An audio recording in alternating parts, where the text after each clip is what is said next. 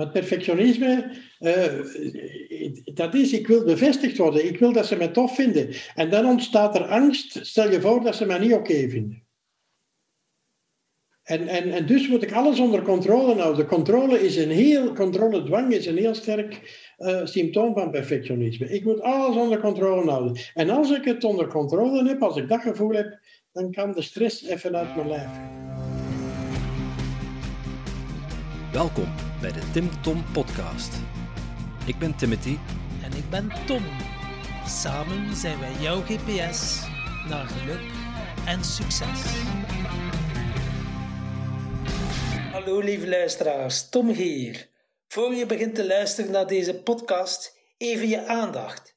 Timothy en ik hebben een cadeautje voor jou. Ben jij, net als wij, ook op zoek naar meer focus, energie en discipline in je leven? Dan heb ik goed nieuws. Speciaal voor jou hebben we onze leestips en mooiste inzichten verzameld in een handig e-book waarmee je direct aan de slag kan. Ga snel naar www.timtompodcast.com en download ons gratis e-book. Dag lieve luisteraar. Gelukkig nieuwjaar. 2021 is begonnen en we laten een toch wel turbulent jaar achter ons. En bij het nieuwe jaar horen ook goede voornemens. En het goede voornemen van Tom en mijzelf is: we hebben er allemaal wel een beetje last van, maar onszelf bevrijden van perfectionisme. En vandaag hebben we Marcel Hendricks te gast. En Marcel weet ons alles te vertellen hoe je jezelf bevrijdt van perfectionisme. Hij heeft aan de lijve de verwoestende impact van de drang naar bevestiging ervaren. En toen hij 46 was, kreeg hij een hartinfarct. En voor hem was dat een duidelijk gevolg van zijn perfectionisme.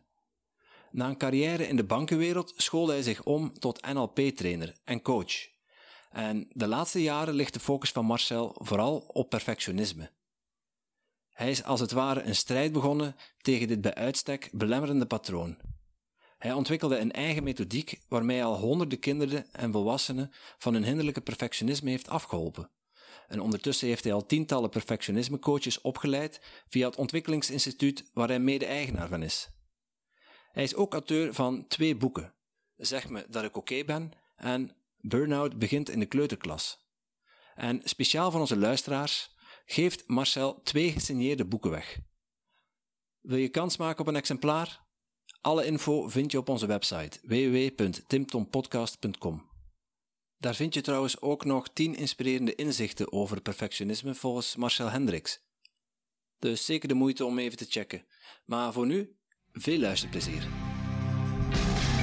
Dag uh, Marcel. Hallo. Welkom, uh, welkom in, onze, in onze podcast. We zijn, uh, we zijn online vandaag. Ja. Dat is verder, hè? Ja. Door de omstandigheden ja, dan moesten we weer even creatief zijn en dan is ja, dan maken we graag handig gebruik van de, eh, de middelen die we krijgen. En om eerlijk te zijn, het is niet alleen veilig, maar het spaart mij ook nog ook kilometers uit en uh, dat vind ik ook wel leuk. Absoluut. Ja. Want maak jij veel kilometers anders? Nee, ik probeer dat te beperken. Vroeger wel, maar, uh, maar vandaag niet veel meer. Hè. En zeker nu niet. Ik doe alles online, dus... Uh... Hoe, hoe, bevalt... Uh, jij, uh, kun, je ons, kun je ons even kort, onze luisteraars even kort uh, vertellen wat je doet? En ja, ik ben wel benieuwd ook hoe de online mogelijkheden, hoe, die, ja, hoe jij daar gebruik van maakt. Wat ik doe is eigenlijk, ik, ja, ik ben NLP-trainer en coach en, en ik ben eigen, mede-eigenaar van het Ontwikkelingsinstituut. En wij geven opleidingen in NLP, in coaching. Maar ik zelf ben al een jaar of zes bezig met uh, uh, perfectionisme. Uh, perfectionisme, dat is een, ja, een patroon dat mensen ziek maakt. Er is een hele sterke link tussen perfectionisme en burn-out. En daar ben ik zo, ik weet niet waarom, hè, maar dat voelde als een, een missie. Ik moest dat doen. En daar ben ik zo een, een strijd tegen begonnen. Uh, ik, heb dat, ik leid er coaches op met een methodiek die ik ontwikkeld heb. Uh, en die mensen de kans geeft om dat los te laten, dat perfectionisme. een methodiek die werkt op het onderbewuste en niet op het verstand. En ik heb ondertussen 130 coaches opgeleid. Die zijn verenigd in een VZW. En, en die krijgen regelmatig intervisies en bijscholing. Ik heb daar twee boeken over geschreven. Zeg me dat ik oké ben en burn-out begint in de kleuterklas. En, en ik coach zelf ook toch nog wel uh, wat mensen. Ik verwijs heel veel door. Maar, maar zelf heb ik toch ook nog wel mensen. En om dan te gaan naar, uh, naar de online. ik, doe, ik vroeger al online. maar nu, met corona, ja, ik heb helemaal geen zin om, om hier te moeten ontsmetten en al die dingen. Eh, ik ben misschien wel lui aangelegd, maar ik heb er helemaal geen zin in. En ik merk dat het online gebeuren bij coaching heel goed werkt. Uh, ik zie nu iemand voor mij die coach en die zit in zijn zetel. En als ik die vraag om zo contact te maken met die delen, want dat is de manier waarop we werken, dan zie ik die achterover gaan liggen, zie helemaal ontspannen. En dat is hetgeen dat we nodig hebben daarvoor. Dus, dus dat werkt goed. Dat, dat, ja, dus ik ga dat denk ik ook niet meer veranderen. Als morgen corona uit de wereld is, dan ga ik nog een jaar of tien bezig blijven, denk ik, uh, met online te werken. En misschien zal ik daarna nog eens kijken of ik dan terug misschien live wil gaan coachen. Uh, wat ik ook online doe, is intervisies. Ik, om de drie weken zijn er intervisies waar mensen met hun vragen vanuit cases kunnen komen. En dat doe ik ook online. Dat ga ik ook niet meer veranderen. Want vroeger moesten die van West-Vlaanderen bijvoorbeeld naar, naar Kapel op den Bos komen voor een paar uur. Dat, dat heeft geen zin. Dat is niet duurzaam. Dus dat werkt ook heel goed. En ik ben ook... Wat zeg je? Altijd is sparen, ja. Ja, tuurlijk. Tuurlijk. En, en ik ben ook nu opleidingen online aan geven, maar daar gaat mijn voorkeur niet naar. Dat, is, uh, dat werkt, dat werkt echt goed. Maar, maar ja, dat live gebeuren is toch, uh, is toch aantrekkelijker, is toch beter. Dus dat is wat dat online betreft zo. Uh, mijn tijd gaat voor een heel groot deel naar alles wat met perfectionisme en, en met de coaching en het ondersteunen van de coaches enzovoort te maken heeft. Ja, perfectionisme dat, uh, ja, jij noemt het een, uh, een ziekte. Uh, een patroon, een belemmerend patroon. Ja. ja. Maar uh, ja, ik hoor je ook zeggen dat je daar een strijd mee hebt aangebonden. ja, kijk, mensen worden daar ziek van en worden daar ongelukkig van. Perfectionisme heeft niks met willen te maken. Met willen de dingen perfect doen. Perfectionisme is, is moeten. Er is geen keuze. En, en, en perfectionisme geeft continu stress en maakt mensen ziek. Ik kan misschien even toelichten wat ik allemaal verstaan onder perfectionisme. Uh, want want ja. dat woord wordt al eens gebruikt en wordt vaak positief gebruikt. Maar het is niet positief. Eigenlijk, op een bepaald moment, en dat ontstaat meestal in de kindertijd, gaat een kind vaststellen oei, oei, dat vrije kind dat ik was, vanaf dat ik geboren werd, dat spontane kind, dat, kind dat eigenlijk geen grenzen kent, ja, dat is hier niet goed bezig, dat wordt niet aanvaard en dat gaat zich, dat gaat zich beperken, dat gaat die spontaniteit verliezen. En, en, en dat gaat eigenlijk een flink of een braaf kind uh, worden. En dat moet dan bevestiging gaan zoeken elders. Uh, een goed synoniem voor perfectionisme is bevestigingsdrang dat, is de drive. Ik wil altijd bevestiging dat ik oké ben. Ik wil altijd bevestiging uh, horen van anderen. Ik wil dat ze mij allemaal tof vinden. Ik wil de, dat ik aanvaard word enzovoort. Dat betekent dat, dat, mensen met perfectionisme zichzelf niet oké kunnen vinden en zichzelf ook niet graag kunnen zien. En uzelf graag zien is nu eenmaal ja, de basis om, om, om iemand anders graag te kunnen zien en, en ook om, om vrij in het leven te kunnen staan. En dat uit zich dan zo in, in een, een aantal symptomen.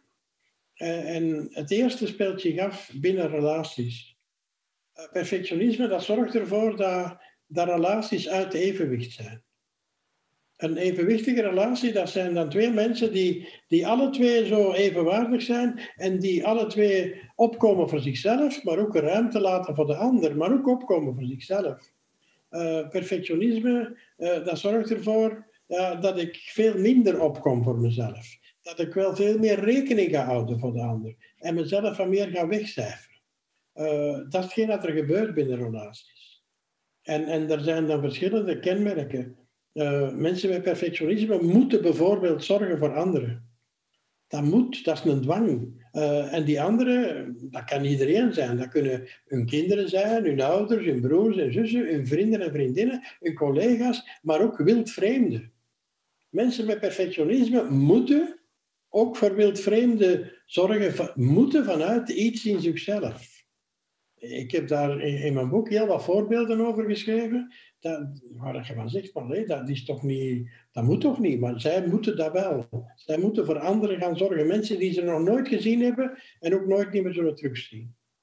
Wat zit daar nog in die relaties? Uh, ja, zo, uh, conflicten vermijden.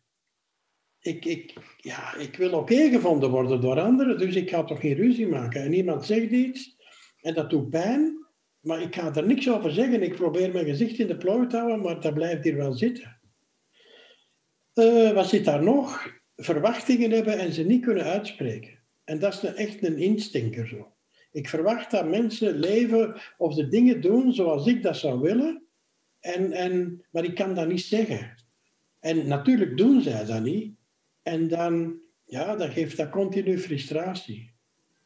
Uh, ik kan ook geen negatieve feedback geven. En, en voor leidinggevenden is dat echt een instinker.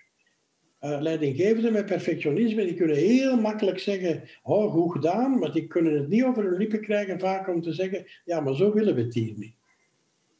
Ja, iets, goed gedaan, iets goed gedaan is vanzelfsprekend en uiteindelijk is het constant bang om te falen, dat je dan ook soms dingen uit de weg gaat gaan.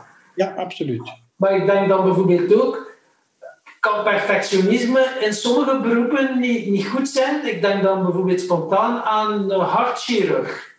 Dan denk ik, ja, dat is misschien wel goed dat hij perfectionistisch is, of het zou anders... Uh, nee? nee? want ik laat, zou me niet graag laten opereren door een hartchirurg die perfectionistisch is. Oké. Want kijk, er zijn veel meer symptomen in perfectionisme. Ja, bijvoorbeeld uitstelgedrag. Ja, uh, dat is nog niet zo erg. Maar altijd maar zitten denken en piekeren en altijd maar aan jezelf twijfelen. Ja, uh, wat dat er ook is, is die, die lat ligt zo hoog, uh, het is nooit goed genoeg. Dus als die mij geopereerd heeft, dan gaat hij zeggen, oh nee, toch nog daar nog iets en daar nog iets, want het is niet goed genoeg. Uh, enzovoort, enzovoort. Piekeren, die is aan het opereren en ondertussen draait die molen. Ik zou willen dat hij geconcentreerd bij mij is. Ja, dus er is een groot verschil tussen dingen nauwkeurig doen en, en perfectionistisch zijn. Ja, kijk, perfectionisme is niet van willen, dat is van moeten. Ik moet dat zo doen. Ik ga even wat licht maken, is dat niet erg?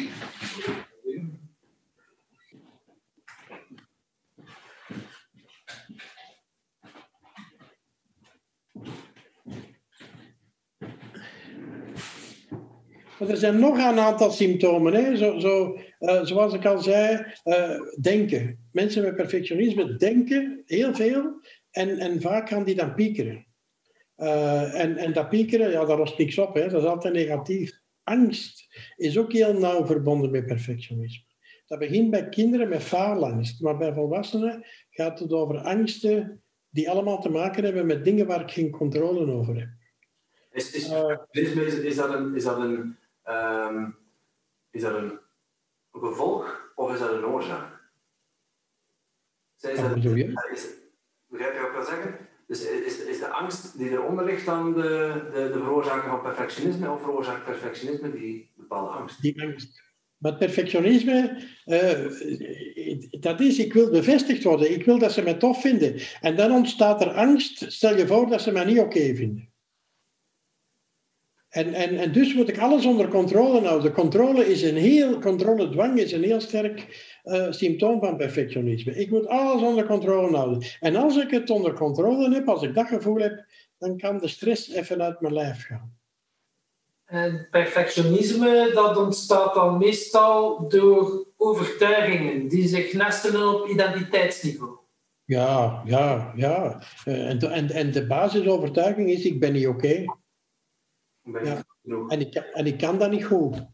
En, en zulke overtuigingen zitten daar, absoluut. Dus uiteindelijk, om het heel simpel te zeggen, door die beperkende overtuiging om te zetten naar een stimulerende overtuiging, kan je heel veel oplossen dan. Ja, ja maar zo eenvoudig is het niet. Hè? Maar, uh, maar, maar dat is wel het resultaat. Als wij mensen gaan coachen, dan veranderen die overtuigingen. We zijn niet op die overtuigingen zelf aan het werken. Uh, we, zijn, we zijn een nieuw patroon laten we ontstaan. Een patroon dat vertrekt van, uh, ik ben helemaal oké zoals ik ben. En ik doe stommiteiten, maar dat doet iedereen. Ik ben helemaal oké. En ik zie mezelf heel graag, veel liever dan gelijk wie. En ik zorg goed voor mezelf. En, en dat gaan we doen door op onderbewust niveau te werken, door, door met trance te werken. En dan ontstaan er nieuwe overtuigingen. En dan komt de coachie soms binnen en die zegt: Ik heb er eens over zitten nadenken. Hè? En ik ben eigenlijk, heb ik bij mezelf gedacht, maar ik kan het ook zo zien. Hè? Ik moet het niet zo zien. Ik kan het ook zo zien. En dat is dan een nieuwe overtuiging die ontstaan is. Ja, je zegt in, onder trance. Uh, jullie brengen mensen in trance. Maar trance is iets dat we allemaal hebben. Hè. Uh, allemaal hebben we dat gelukkig verschillende keren per dag. Dat zijn van die momenten dat je zo even weg bent. Dat je dagdroomt. Dat je, dat je niet zo heel bewust geconcentreerd bezig bent. Een heel mooi voorbeeld van trance is in een auto. We zijn op de autostrade aan het rijden. En, en ja, je zou de afrit voorbij rijden, want je weet eigenlijk al niet meer waar je zit. Je bent helemaal weg en er gebeurt van alles in je hoofd en in je lichaam. Zo herinneringen komen boven, ideeën komen op. Maar toch is er iets dat alert blijft. En als er voor u iemand remt, dan heb je dat wel gezien en dan ga je er niet op rijden. Hè? Dat is trouwens zo, zo dat ontspannen uh, dingen laten gebeuren. Meer is dat niet. Het is helemaal geen diepe hypnose, het is ontspannen dingen laten gebeuren. En dan ga je ook wel uh, werken met de verschillende representatiesystemen in een LP. Dus ja, het visuele, het auditieve ga je... We gaan heel, heel sterk werken met visualisaties. Ja. We, gaan, we gaan ervan uit dat er een deel is dat dat patroon stuurt, dat perfectionisme.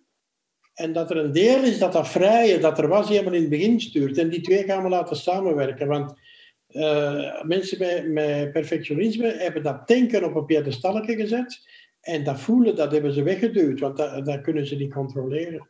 En dan gaan we met visualisaties werken en vragen om dat deel in de hand te nemen en dat te beschrijven.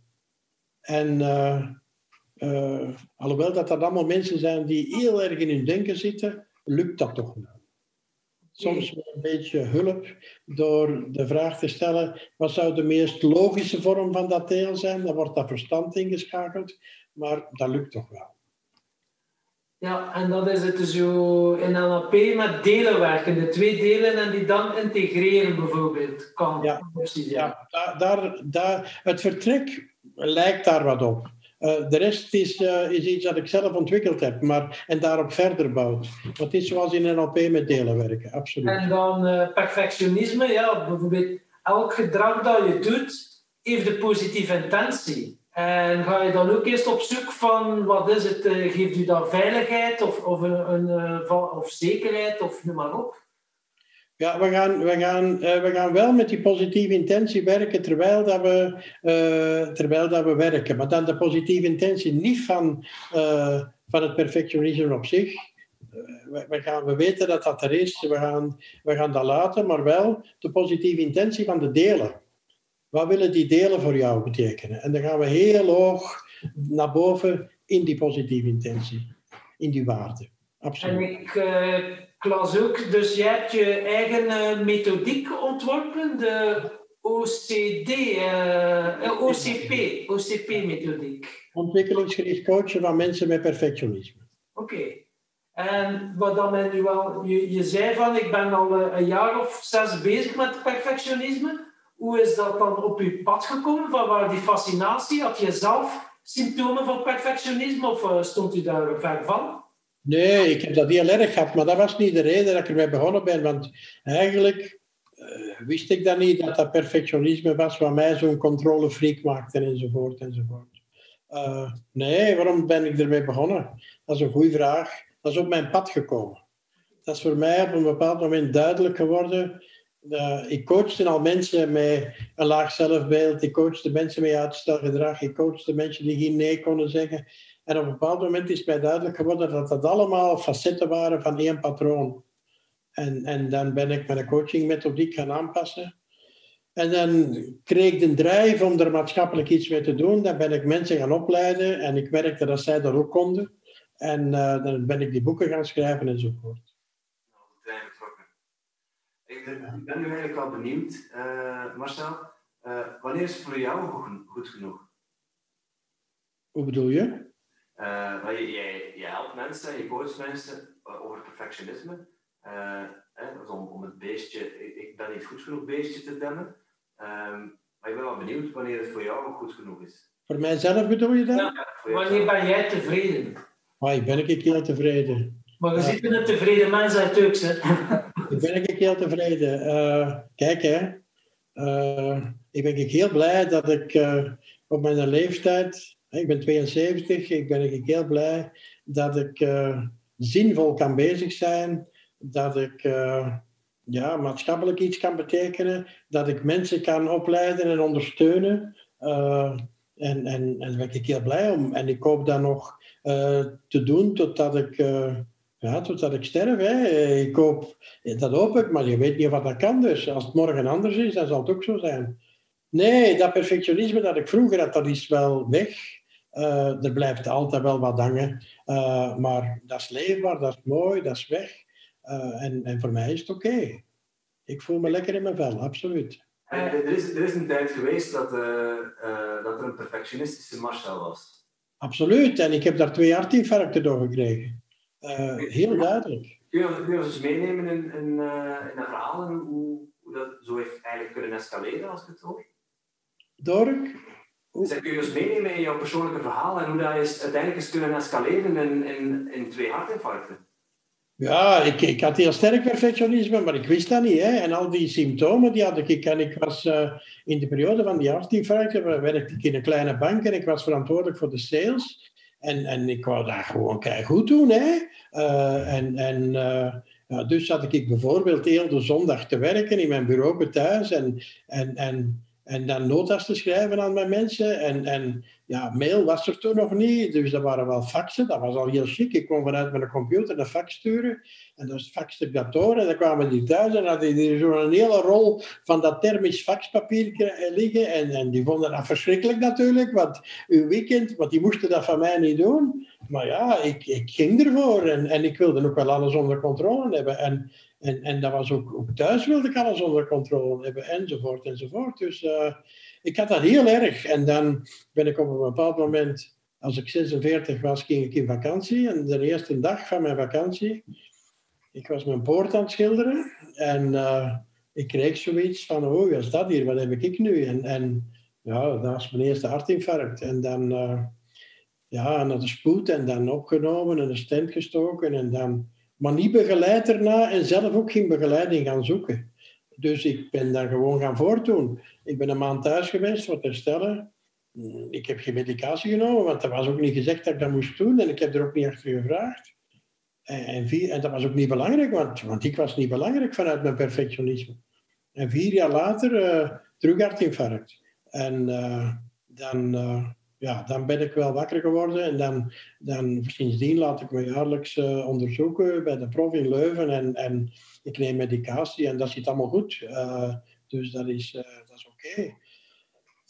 Maar toen wist ik nog niet dat dat perfectionisme was. Ik, ik bleef gewoon eigenlijk leven zoals ervoor. En het is pas veel later dat me dat uit... Het is pas toen dat ik zelf bezig was met perfectionisme, dat het mij duidelijk werd dat ik er ook last van had. Uh, en, en ja, ik heb me dan ook een paar keer laten coachen. Want ik had die methodiek wel ontwikkeld en, en uh, dat werkte. Ik zag dat dat werkte. Maar ik wist niet hoe dat, dat werkte, want ik had dat nog niet ervaren. En dan heb ik me, nadat de eerste groep was opgeleid, heb ik me laten coachen. En dat was goed. En dat hielp ook nog. Daar, daar, nog wat resten van dat patroon op.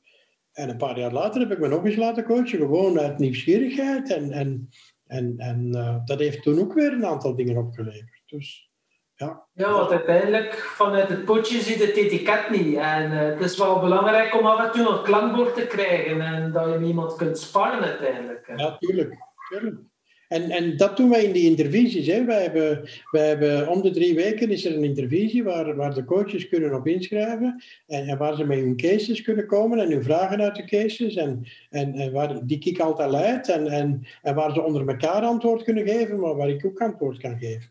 En dat is heel waardevol, dat is ook nodig, want we willen die kwaliteit bewaken. Hè?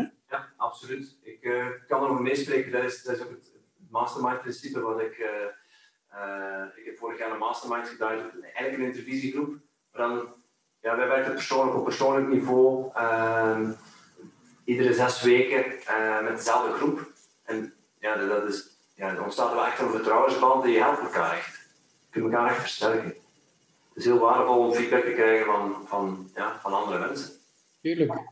En dat hebben wij ook in de groep. Hè. We hebben, we hebben ja, een goede honderd mensen die zijn aangesloten bij de VZ2, maar die, ja, die hangen om elkaar, die zijn blij dat ze elkaar zien. Uh, we, we, organiseren ook regelmatig dingen waar ze samenkomen. Maar ja, nu is dat allemaal virtueel zo. Het is allemaal... Virtueel samenkomen, ja. ja. Maar, maar, uh, maar, ook in die intervisies is dat altijd, dat is ontmoeten, dat is blij zijn dat, we, dat, dat ze elkaar zien. Ik ben blij dat ik hen zie en, en er gebeuren mooie dingen. Dat is, dat is echt nodig. Dat mag niet, dat is echt fantastisch. En voor onze luisteraars, die, die nu aan het luisteren zijn naar de podcast en die zeggen: Tja, ik herken hier toch uh, verschillende dingen van, uh, dat bij mij ook spelen. Dus het zou misschien wel kunnen zijn dat perfectionisme.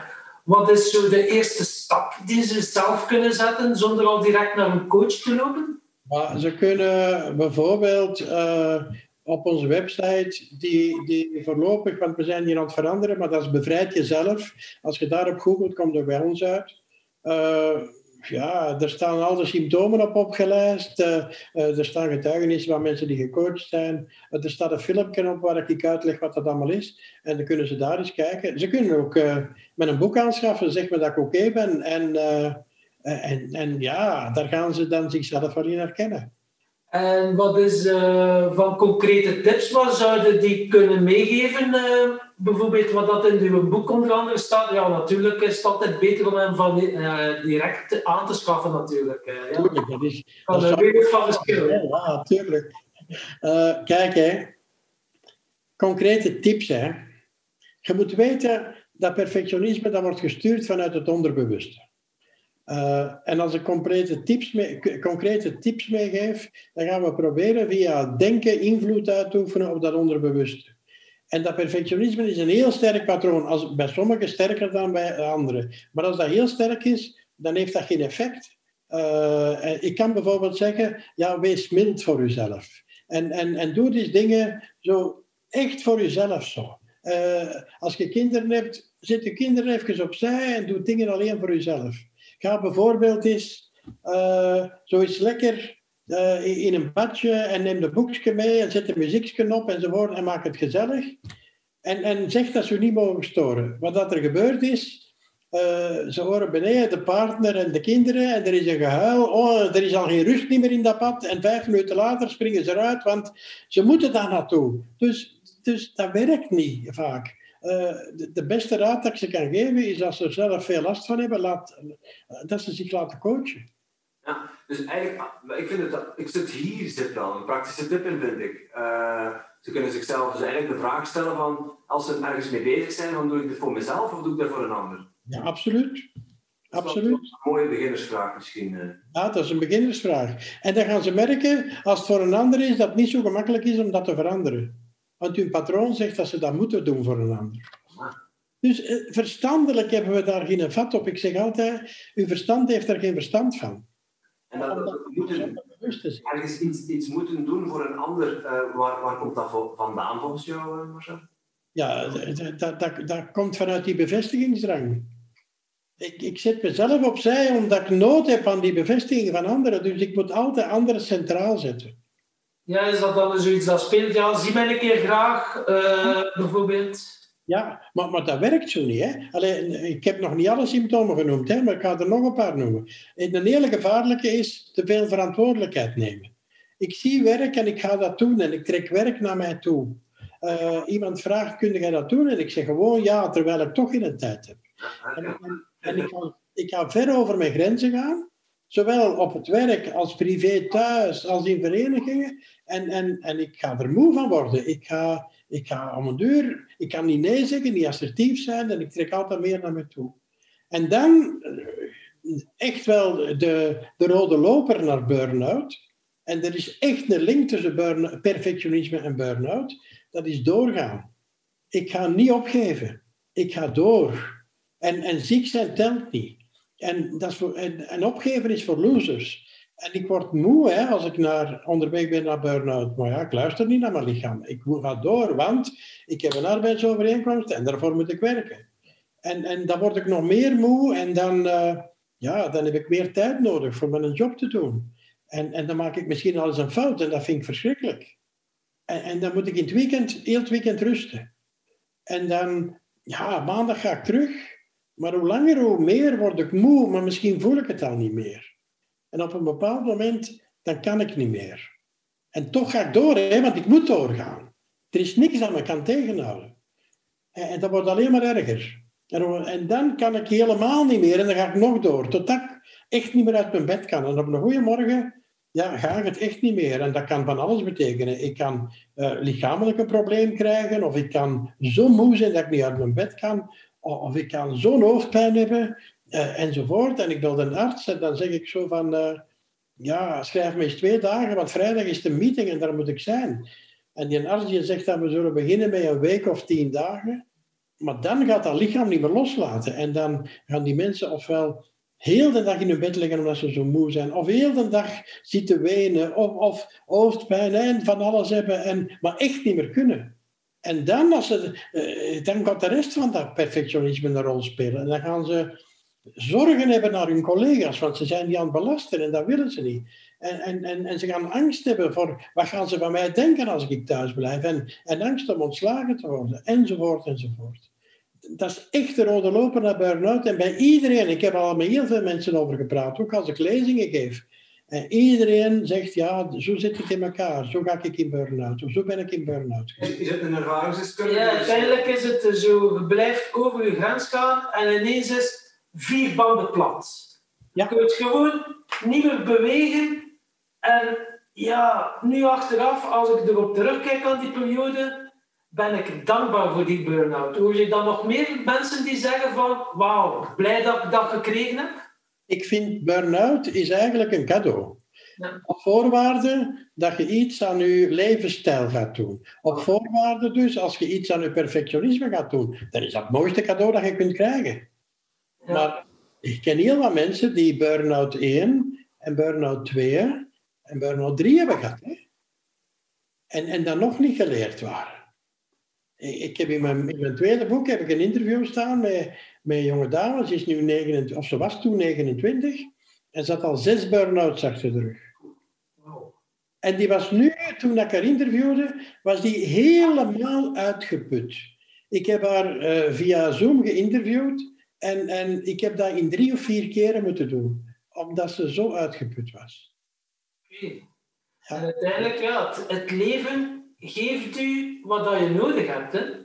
als je het heel uh, simpel uh, benadert. Maar ja, soms duurt het inzicht iets langer dan bij iemand anders natuurlijk. En, uh, en jij sprak ook van dat je NLP-trainer bent. Dan ben je wel een van de pioniers hier in België die NLP naar hier heeft gebracht. Of nee, is dat nee, nee, Helemaal niet hoor, want er waren, al, uh, er waren al een aantal goede trainers toen ik NLP gaan volgen ben. En toen ik in, in Engeland NLP-trainersdiploma gaan halen heb. Ja, ja. Uh, helemaal niet bij de pioniers. Oké, okay, was ook bij Richard Bandler? Of, uh, de... Nee, ik heb daar bij... bij White Woodsnall. Die gaf in Engeland, een Amerikaan ook, en die gaf in Engeland een, een training en daar ben ik die gaan volgen.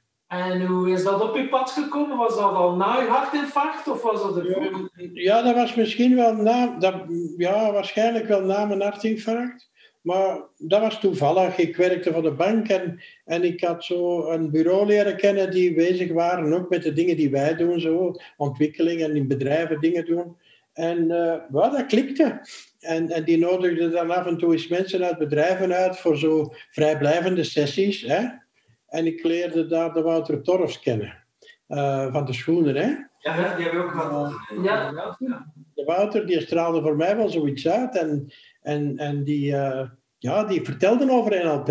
En die eh, in de opleiding eh, assisteerde die ook. En, en, en dan ben ik dat gaan volgen. eh, zonder dat ik goed wist wat dat, dat allemaal inhield. Eh, maar, maar zo... En dan ben ik er blijven hangen. Dan ben ik eh, een practitioner gaan volgen en de master gaan volgen. En dan ben ik gaan assisteren in de practitioner. En dan ben ik eh, blijven hangen bij... Dat was toen de school voor NLP. Dat is nu het Ontwikkelingsinstituut. En, dan, eh, ja, op een bepaald moment ben ik met iemand anders een eigen training gaan geven. En dan later eh, nou, die trainersopleiding in Engeland gaan volgen. En, enzovoort, enzovoort. Zo is dat gegroeid. Ja, uiteindelijk is dat wel een cadeautje, want ik assisteer nu ook de master practitioner. Als je die opleiding dan nog een keer kunt doen, vanuit, eh, ja, gewoon vanuit een ander perspectief, ja, daar halen we ook weer heel veel waarde. Tuurlijk, tuurlijk. Absoluut. Nee, ik vind NLP is iets heel, heel waardevol. Dat heeft, eh, dat heeft mijn leven zeker veranderd. Dat is de reden dat ik met deze dingen bezig ben. Eh, ik weet niet wat de reden is, maar het is wel de tool en, en de drive en, enzovoort, enzovoort, absoluut.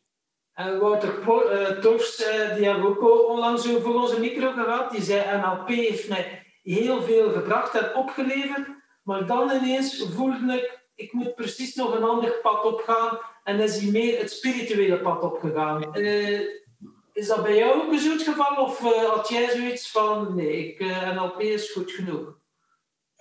NLP is oké voor mij en, en hetgeen dat ik nu doe. Ik vind dat ik ook spiritueel bezig ben. Je hoeft niet, je hoeft niet eh, weet ik wat te doen en, eh, om spiritueel bezig te zijn. Als we, als we daar dagelijks eh, bezig zijn op een goede manier en, en, en contact hebben met onszelf en, en, en met het veld rondom ons en, enzovoort, dan, dan heb ik het gevoel dat we spiritueel bezig zijn. Zeker. Ja, we zijn eigenlijk allemaal spirituele wezens in een menselijk lichaam. Hè? Ik vind dat wel, ja. En ik, ik moet dat niet verder gaan zoeken. Voor mij is dat er gewoon. En, en voor mij draait het allemaal om, om eh, het codewoord is liefde. Dat is voor mij het codewoord. En, en daar gaat het allemaal om. Eh, liefde om te beginnen naar uzelf en liefde naar de wereld en, en, en liefde voor uw coaches, want anders dan werkt het niet. Eh, en, en, en, en dat is voor mij de basis. In het begin van het interview, in het begin van het gesprek had je het over ehm, liefde, dat je eigenlijk alleen een ander, dat een ander pas kan graag zien als je jezelf graag ziet. Kun je, Tuurlijk. kun je daar wat meer over uitleggen? Ja, allee, dat is toch logisch. Hoe kun, je nu, hoe kun je nu iemand graag zien, echt graag zien, als je jezelf niet graag ziet? Dat is toch, voor mij begint het daar. Kijk, hè, wat dat wij op het einde van een coaching traject altijd doen, hè, dat is dan, en, en in het begin kunnen mensen dat niet, hè? Dan, dan krijgen ze een nieuwe opdracht mee. En dan moeten ze s morgens in de spiegel kijken en, en zo wat vooroverbuigen en zichzelf in de ogen zien. En dan tegen zichzelf gaan praten. En tegen zichzelf zeggen dat ze helemaal oké zijn. En, en zichzelf complimenten geven als ze mooie dingen gedaan hebben. En als ze weer stommiteiten gedaan hebben, zeggen dat dat allemaal niet erg is, want dat iedereen stommiteiten doet. En dan zeggen ze tegen zichzelf dat ze zichzelf heel graag zien. En ze menen dat ook. En dan merk je dat daar, daar draait het allemaal rond. En dan merken zij, als je dat zo een, een, een tijdje doet, een week of drie, een maand, dat er dingen vanzelf weer beginnen te veranderen in de manier waarop dat in het leven staat. Maar mensen bij perfectionisme kunnen dat absoluut niet in het begin, want die kunnen zelfs niet in de spiegel kijken. Die kunnen zich niet in de ogen kijken. Want die vinden zich helemaal niet tof. Nee, die vinden zichzelf niet goed genoeg. Ehm, maar dat wil niet zeggen dat die geen eh, liefdevolle relatie kunnen hebben met een andere persoon. Met een ander... Ja, tuurlijk. Oké, oké, ik zal wat nuanceren. Eh, ze kunnen natuurlijk wel een liefdevolle relatie hebben. Maar als ik dat mezelf ook graag ga zien, dan wordt dat allemaal nog veel dieper. Ja, dat spreekt over een andere dimensie uiteindelijk. Hè? Het spreekt over een heel andere dimensie, ja. En uiteindelijk, als je alles terug herleidt, alles bestaat uit liefde en licht. Ja, meer, meer is er niet eh, uiteindelijk. En, eh, ja, het is heel mooi dat je dat zegt. Massa en energie. maar- Ja. En wie zijn zo jouw grootste inspiratiebronnen? Of eh, heb jij zo dat je zegt van, oeh, dat boek heeft mij heel veel opgeleverd of, eh, of een opleiding of zo?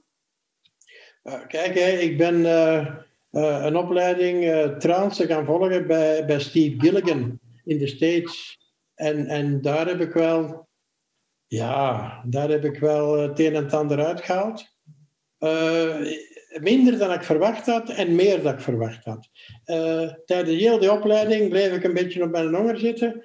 Maar heel op het einde uh, is er iets dat mij heel veel, dat voor mij de moeite waard was om, om, om daar 14 dagen in de States te zitten. Uh, dus, dus dat was voor mij toch wel echt tof. Die zijn wel een, een, goed boek is, is het boek van Brené Brown, De kracht van kwetsbaarheid.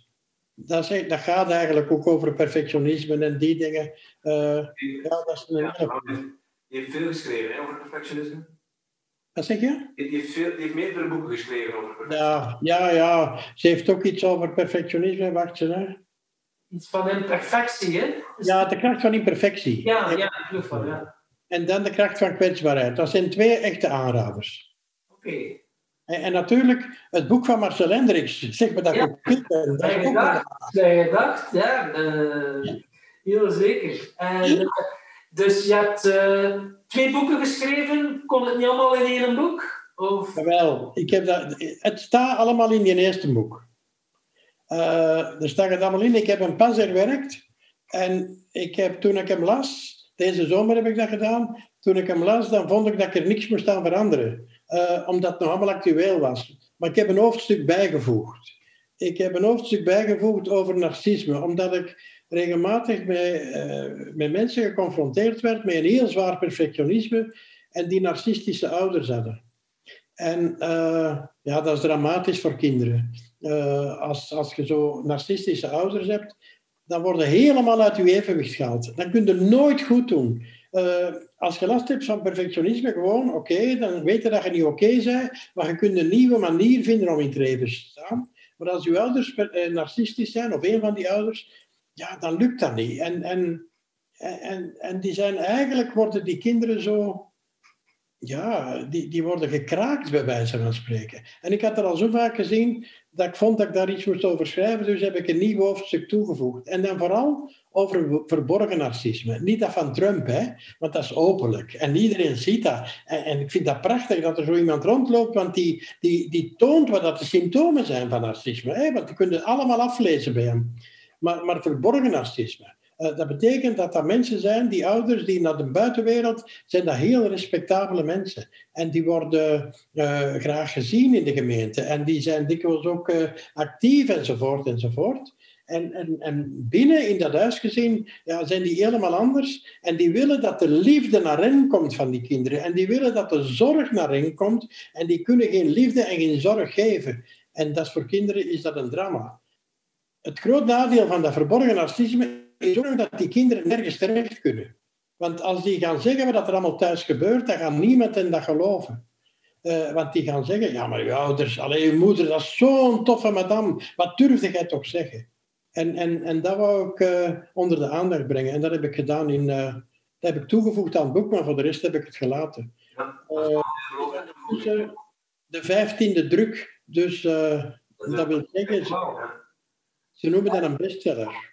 En het is ook wel wetenschappelijk gestaafd, zeker, hè, geloof ik, u, eh, de OC, uh, eh, OCP. Hè? Ja, we hebben een onderzoek laten doen uh, door professor Luiten in Leuven, uh, om te zien of dat die methodiek, dat die, ja, of dat effectief werkte of niet. Dat was een beperkt onderzoek, maar hoe dan ook, een onderzoek, een pilootonderzoek noemen ze dat. En mensen kregen vragenlijsten in te vullen voor de coaching, na afloop van de coaching en ook nog eens zes maanden later. En na afloop van de coaching was er duidelijk verschil op heel veel vlakken, heel veel van die symptomen. Er was echt, echt verbetering, uh, serieus. En zes maanden later was eigenlijk heel weinig verschil met de meting vlak na de coaching. Dus dat betekende nog eens dat duurzaam was ook. dus ja, en, en dan heeft uh, professor Luiten gezegd, ja, willen we daar nu niet dieper in gaan en verder in gaan en niet allemaal. Maar ja, dat kost een pak geld. En dan, uh, dus dat hebben we voorlopig niet gedaan. Dat was ook onze bedoeling niet. Maar we hebben wel dat onderzoek laten doen, ja. Dus ik hoor je ook zeggen, je, je, je bent trainer, je, dus je traint mensen die ook coach willen worden in perfectionisme. zijn dan uh, 80% van de deelnemers zelf perfectionistisch? Want als ik dus nu even kijk naar mezelf, als ik die hypnoseopleidingen deed en ik zeg ik wil mensen helpen, maar 95% van de mensen doen dat in eerste instantie om zichzelf eerst te helpen. Kijk, hè, die mensen die uh, die opleiding volgen, ja, die, willen absoluut aan de, die willen absoluut mensen ondersteunen en, en bevrijden van dat perfectionisme. Die zijn al, dat is een specialisatieopleiding, die zijn al eh, NLP, uh, eh, of master, die zijn al coach. En, en, en, en die willen dat echt gaan doen. En, en die doen dat ook. Maar ofwel weten ze al dat ze zelf ook last hebben van perfectionisme, ofwel ontdekken ze dat tijdens de opleiding. En uh, een van de dingen die verbonden is aan de opleiding, is dat ze verplicht zichzelf moeten laten coachen met OCP, eh, met die methodiek. Uh, of dat ze er nu last van hebben of niet, maar die 80% die je daarvoor opstelt, was nog laag geschat. Dus mensen die dan starten met zo'n opleiding, die moeten dan wel al wat ervaring hebben in coaching. Of kan iemand coaching of NLP gevolgd hebben. Of, uh, dus die moeten een aantal basisvaardigheden hebben om met mensen om te gaan. NLP is daar een heel goede basis voor. Hè. Daar, daar levert heel wat basisvaardigheden. Maar coachingopleidingen gevolgd hebben. Maar er zijn uh, een aantal artsen bij, er zijn uh, psychologen bij in de groep. mensen die, die al ervaring hebben om met andere mensen te werken, sowieso omdat we, omdat we zo die basisvaardigheden, die gaan we niet meer aanleren. Daar gaan we vanuit dat je die al verworven hebt. Dat je direct de diepte in kunt eigenlijk. Ja, ja, ja dat is de bedoeling. Um, Marcel, wij, normaal starten wij onze gesprek altijd met de, de vraag van de vorige gast. Maar uh, nu doen we hem een keer op het einde. Dat is ook plezant. Uh, het was al zodanig boeiend dat ik hem niet eerder ging inbrengen. Um, maar onze vorige gast die, die vroeg zich af wanneer je voor het laatst ergens spijt van hebt gehad? Uw verborgen gast, zegt Dus, dus waar, heb je echt, waar heb je echt spijt van in je leven? Uh, kijk, hè. er is niet veel waar ik spijt van heb. Omdat er zijn wel dingen die ik niet meer zou doen. Absoluut niet meer zou doen. Maar ik heb geleerd om, om mezelf te vergeven. Uh, en, en, en dus als je jezelf vergeeft, hoef je geen spijt te hebben. Uh, ik, ik ben uh, gescheiden en ondertussen al 35 jaar nog niet getrouwd, maar al 25 teruggetrouwd. Uh, ja, dat huwelijk, wij pasten wel niet bij elkaar, maar we hebben wel drie schoon kinderen op de wereld gezet toen. En, en daar ben ik blij om. Dus ik heb geen spijt dat dat gebeurd is. nee, ik heb geleerd mezelf te vergeven, maar dat is allemaal... Dat, dat kon ik twintig jaar geleden niet. Hè? Dat kon ik misschien ook tien jaar geleden niet, maar dat kan ik vandaag wel. En, en als je dat kunt, dan moet ook geen spijt niet meer hebben. Dan mag je loslaten. Ja, loslaten, ja. En, en, elke keer op hetzelfde. Ik doe dat ook hè, voor de spiegel. Hè. Nog altijd, hè, elke morgen. En soms is dat gewoon een knipoog. Soms is dat een lachje dat ik naar mezelf doe. Uh, maar soms is dat nog een babbeltje. En, en uh, dat werkt enorm. En dat leren loslaten. Dus eigenlijk, daar, daar zit weer een kleine praktische beginnerstuk uh, in de scholen. Ehm, dus elke ochtend als je, als je wakker wordt s morgens, is dat je tanden goed maken in contact met jezelf in de spiegel. Ja. ja. Bewust contact, ja. Ja, bewust contact, hè? echt contact. Zoals je echt contact maakt met iemand die u toch wel erg interesseert. Ja, ja, ja. Hello, Tiger. ja. Ja, over... Met andere woorden, gaan een date aan met jezelf. Ja, dat is een hele mooie. En over vergeving eh, gesproken, over laatst las ik nog een mooie quote. Ja, vergeving is alle hoop op een beter verleden opgeven. Ja. Ja, ik vond die een hele mooie. Ik dacht van, wauw. Dat is een hele mooie. Wauw. Ja, ik zal hem wat laten binnenkomen. Dat is echt wel een hele mooie. Ja. Prachtig. Absoluut. Normaal vragen we aan onze gast altijd om een, uh, om een, slot, om, om een slotwijze. definitie. Maar nu zijn jij met, met de slotwijze. Maar weet je, Marcel, Marcel kan verrassend uit de hoek komen. Ik uh, denk dat we nog wel mo uh, wat mogen verwachten. Hè? Ja, dat kan. zijn we nu, de, de lat is gelegd. Uh, Sorry? De lat is gelegd. Ja. ja, ja. ja ik voel zo twee apen op mijn schouder zitten. Zo. Ja, ja dus je mag vast een beetje beginnen nadenken straks. Um, Wij, ehm, wij, wij, zijn heel benieuwd. In de rode draad van onze podcast is geluk en succes. We zijn ook benieuwd uh, wat, jij, wat jij als ehm, definitie zou geven aan geluk en succes. Dus en geluk en succes. Ja, ja, wat betekent voor jou geluk en wat betekent voor jou succes? Uh, het heeft alle twee te maken met tevreden zijn. Uh, geluk is tevreden zijn met hetgeen dat er is. En, en succes is tevreden zijn met hetgeen dat je bereikt. Hmm. Denk ik. Oké, ja. Zo los uit de pols. Maar ja, terwijl ik het zo laat binnen... Ja, ik denk dat dat, dat, dat wel bij mij past als definitie van geluk en succes. Dus geluk is tevreden zijn met wat je bent. En succes is tevreden zijn met de successen die je behaalt, de doelen die je hebt gehaald. Hetgeen dat je bereikt. Hetgeen ja, wat je bereikt hebt tot nu toe, ja. ja, ja. Vanuit je doelen. Een hele mooi, heel... Uh, kort ja, en krachtig. Ja, heel kort en krachtig, ja. Mooie definitie. Um, tot, uh, tot slot, Marcel, als, als mensen meer informatie willen over, over jou, over wat je doet, uh, of jouw boek willen aanschaffen, waar kunnen ze dan terecht? Ja, mijn boeken ze krijgen in, in, in uh, alle boekenwinkels. Uh, dat is, ik verkoop dat zelf niet. Alleen ik stuur die zelf niet op. Als ik ergens een lezing geef, dan, uh, dan neem ik die wel mee. Maar, dus ze kunnen dat overal krijgen. En ze mogen mij contacteren als ze vragen hebben. mijn e-mailadres is heel gemakkelijk. marcel.hetontwikkelingsinstituut.be dat is, dat staat, Mijn e-mailadres staat ook in, in de boeken in. daar vinden ze dat ook. Uh, ze kunnen ook gewoon altijd gaan googlen naar het ontwikkelingsinstituut of naar Bevrijdje zelf. En daar vinden ze uh, heel veel informatie. Doet er mij aan Marcel, je hebt wel de primeur als eerste podcast van het nieuwe jaar. Echt op 1 januari komt jouw podcast online. En ja, bij feestjes horen cadeautjes bij. Uh, kan je onze luisteraars met een cadeautje plezieren of zo? heb jij iets in de aanbieding? Ja, ja, ja, ik wil graag een cadeautje geven, maar uh, aan wat denk je dan? Bijvoorbeeld een gesigneerd boek zou misschien al fantastisch zijn. Dat is goed. Dat is afgesproken. Okay. Uh, ik zal uh, twee boeken signeren en jullie opsturen. Bezorg mij nog eens voor alle zekerheid uw adres. En die kan je dan aan de luisteraars bezorgen. Ah, super, super dankjewel. dankjewel. We zullen er een, een aparte website voor maken dat mensen ja, kunnen laten weten uh, omdat ze interesse hebben in het boek. Dus slash uh, Marcel. Oké, okay. oké, okay. dat is prima. Super. Um, ja, heb jij, um, uh, ja, heb, heb, jij zelf nog iets waar je, waar je precies zeggen? Ik, je... ik denk van de coaching, als mensen een coachingsopleiding willen volgen, kunnen ze jou bereiken? Heb je je website meegegeven? Nee. Denk... Uh, www.ontwikkelingsinstituut.be Oké, okay. ah ja, oké. Okay. De gepasseerd? Ah, oké. Okay. Ja, ja. ja, ik was even selectief doof, denk ik. Ja, oké. Ja. Oké. Okay. Is, is er nog iets waar we, we, we, we hebben het over zoveel gehad, um, maar is er nog iets waar we het niet over gehad hebben, waar je graag nog kwijt wil? Nee, ik denk dat we het over het meeste gehad hebben. We hebben het over de, over de OCP-methodiek gehad. We hebben het over de, over de opleiding gehad, wie dat er in aanmerking komt. En we hebben het over het patroon zelf gehad, over het perfectionisme.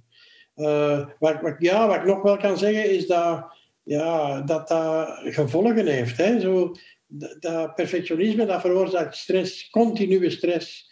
En, en die stress die ontregelt de chemie in ons lichaam en die maakt ons ziek. Ik heb daar een hartinfarct van gehad. Maar mensen krijgen daar, uh, gaan, gaan in burn-out erdoor. Sommigen gaan in depressie. Uh, anderen die, die hebben problemen met die chemische systemen in ons lichaam, zoals ons immuunsysteem en, en voortplantingssysteem. Uh, zulke dingen. Heel wat ziektes, we noemen dat psychosomatische klachten, worden veroorzaakt door de stress van dat patroon. En er is nog een facet, en dat is dan ontsnappings- en compensatiegedrag. Uh, ontsnappingsgedrag heeft te maken met het feit dat ik uh, altijd stress heb en er wil aan ontsnappen. En dan gaan mensen dingen doen om eraan te ontsnappen. Uh, een van de dingen is nagelbijten. iets anders is zelfverminking of zelfmutilatie. komt heel veel voor bij jongeren die last hebben van perfectionisme. Dan denk ik ook aan verslavingen, waarschijnlijk. Dat is ook wel een vlucht. Ja, absoluut. Dat, dat zit dan bij de ontsnapping en compensatie. Uh, wat, is daar nog? Uh, eetstoornissen. er is een link tussen perfectionisme en anorexia. zulke dingen. verslavingen aan van alles en nog wat, aan drugs en alcohol, aan games, aan seks, aan, aan medicatie ook. tot en met ja, niet meer willen leven en, en uit het leven stappen. Dus het is toch niet vrijblijvend, dat perfectionisme. Dat, dat zorgt voor heel veel dingen. En we werken ook samen met, met Michael Portsky uh, uit Gent, die, die bezig is met veerkracht en ook prof is. En, en, en ja, die herkent heel duidelijk, want daar hebben we ook een onderzoek laten doen, de link tussen perfectionisme en de afname van veerkracht. Mensen met perfectionisme hebben vaak heel weinig veerkracht. Uh, en en, en dan, dan ziet hij daar toch ook wel die gevolgen op het vlak van uh, zelfdoding en al die andere dingen die ik net genoemd heb.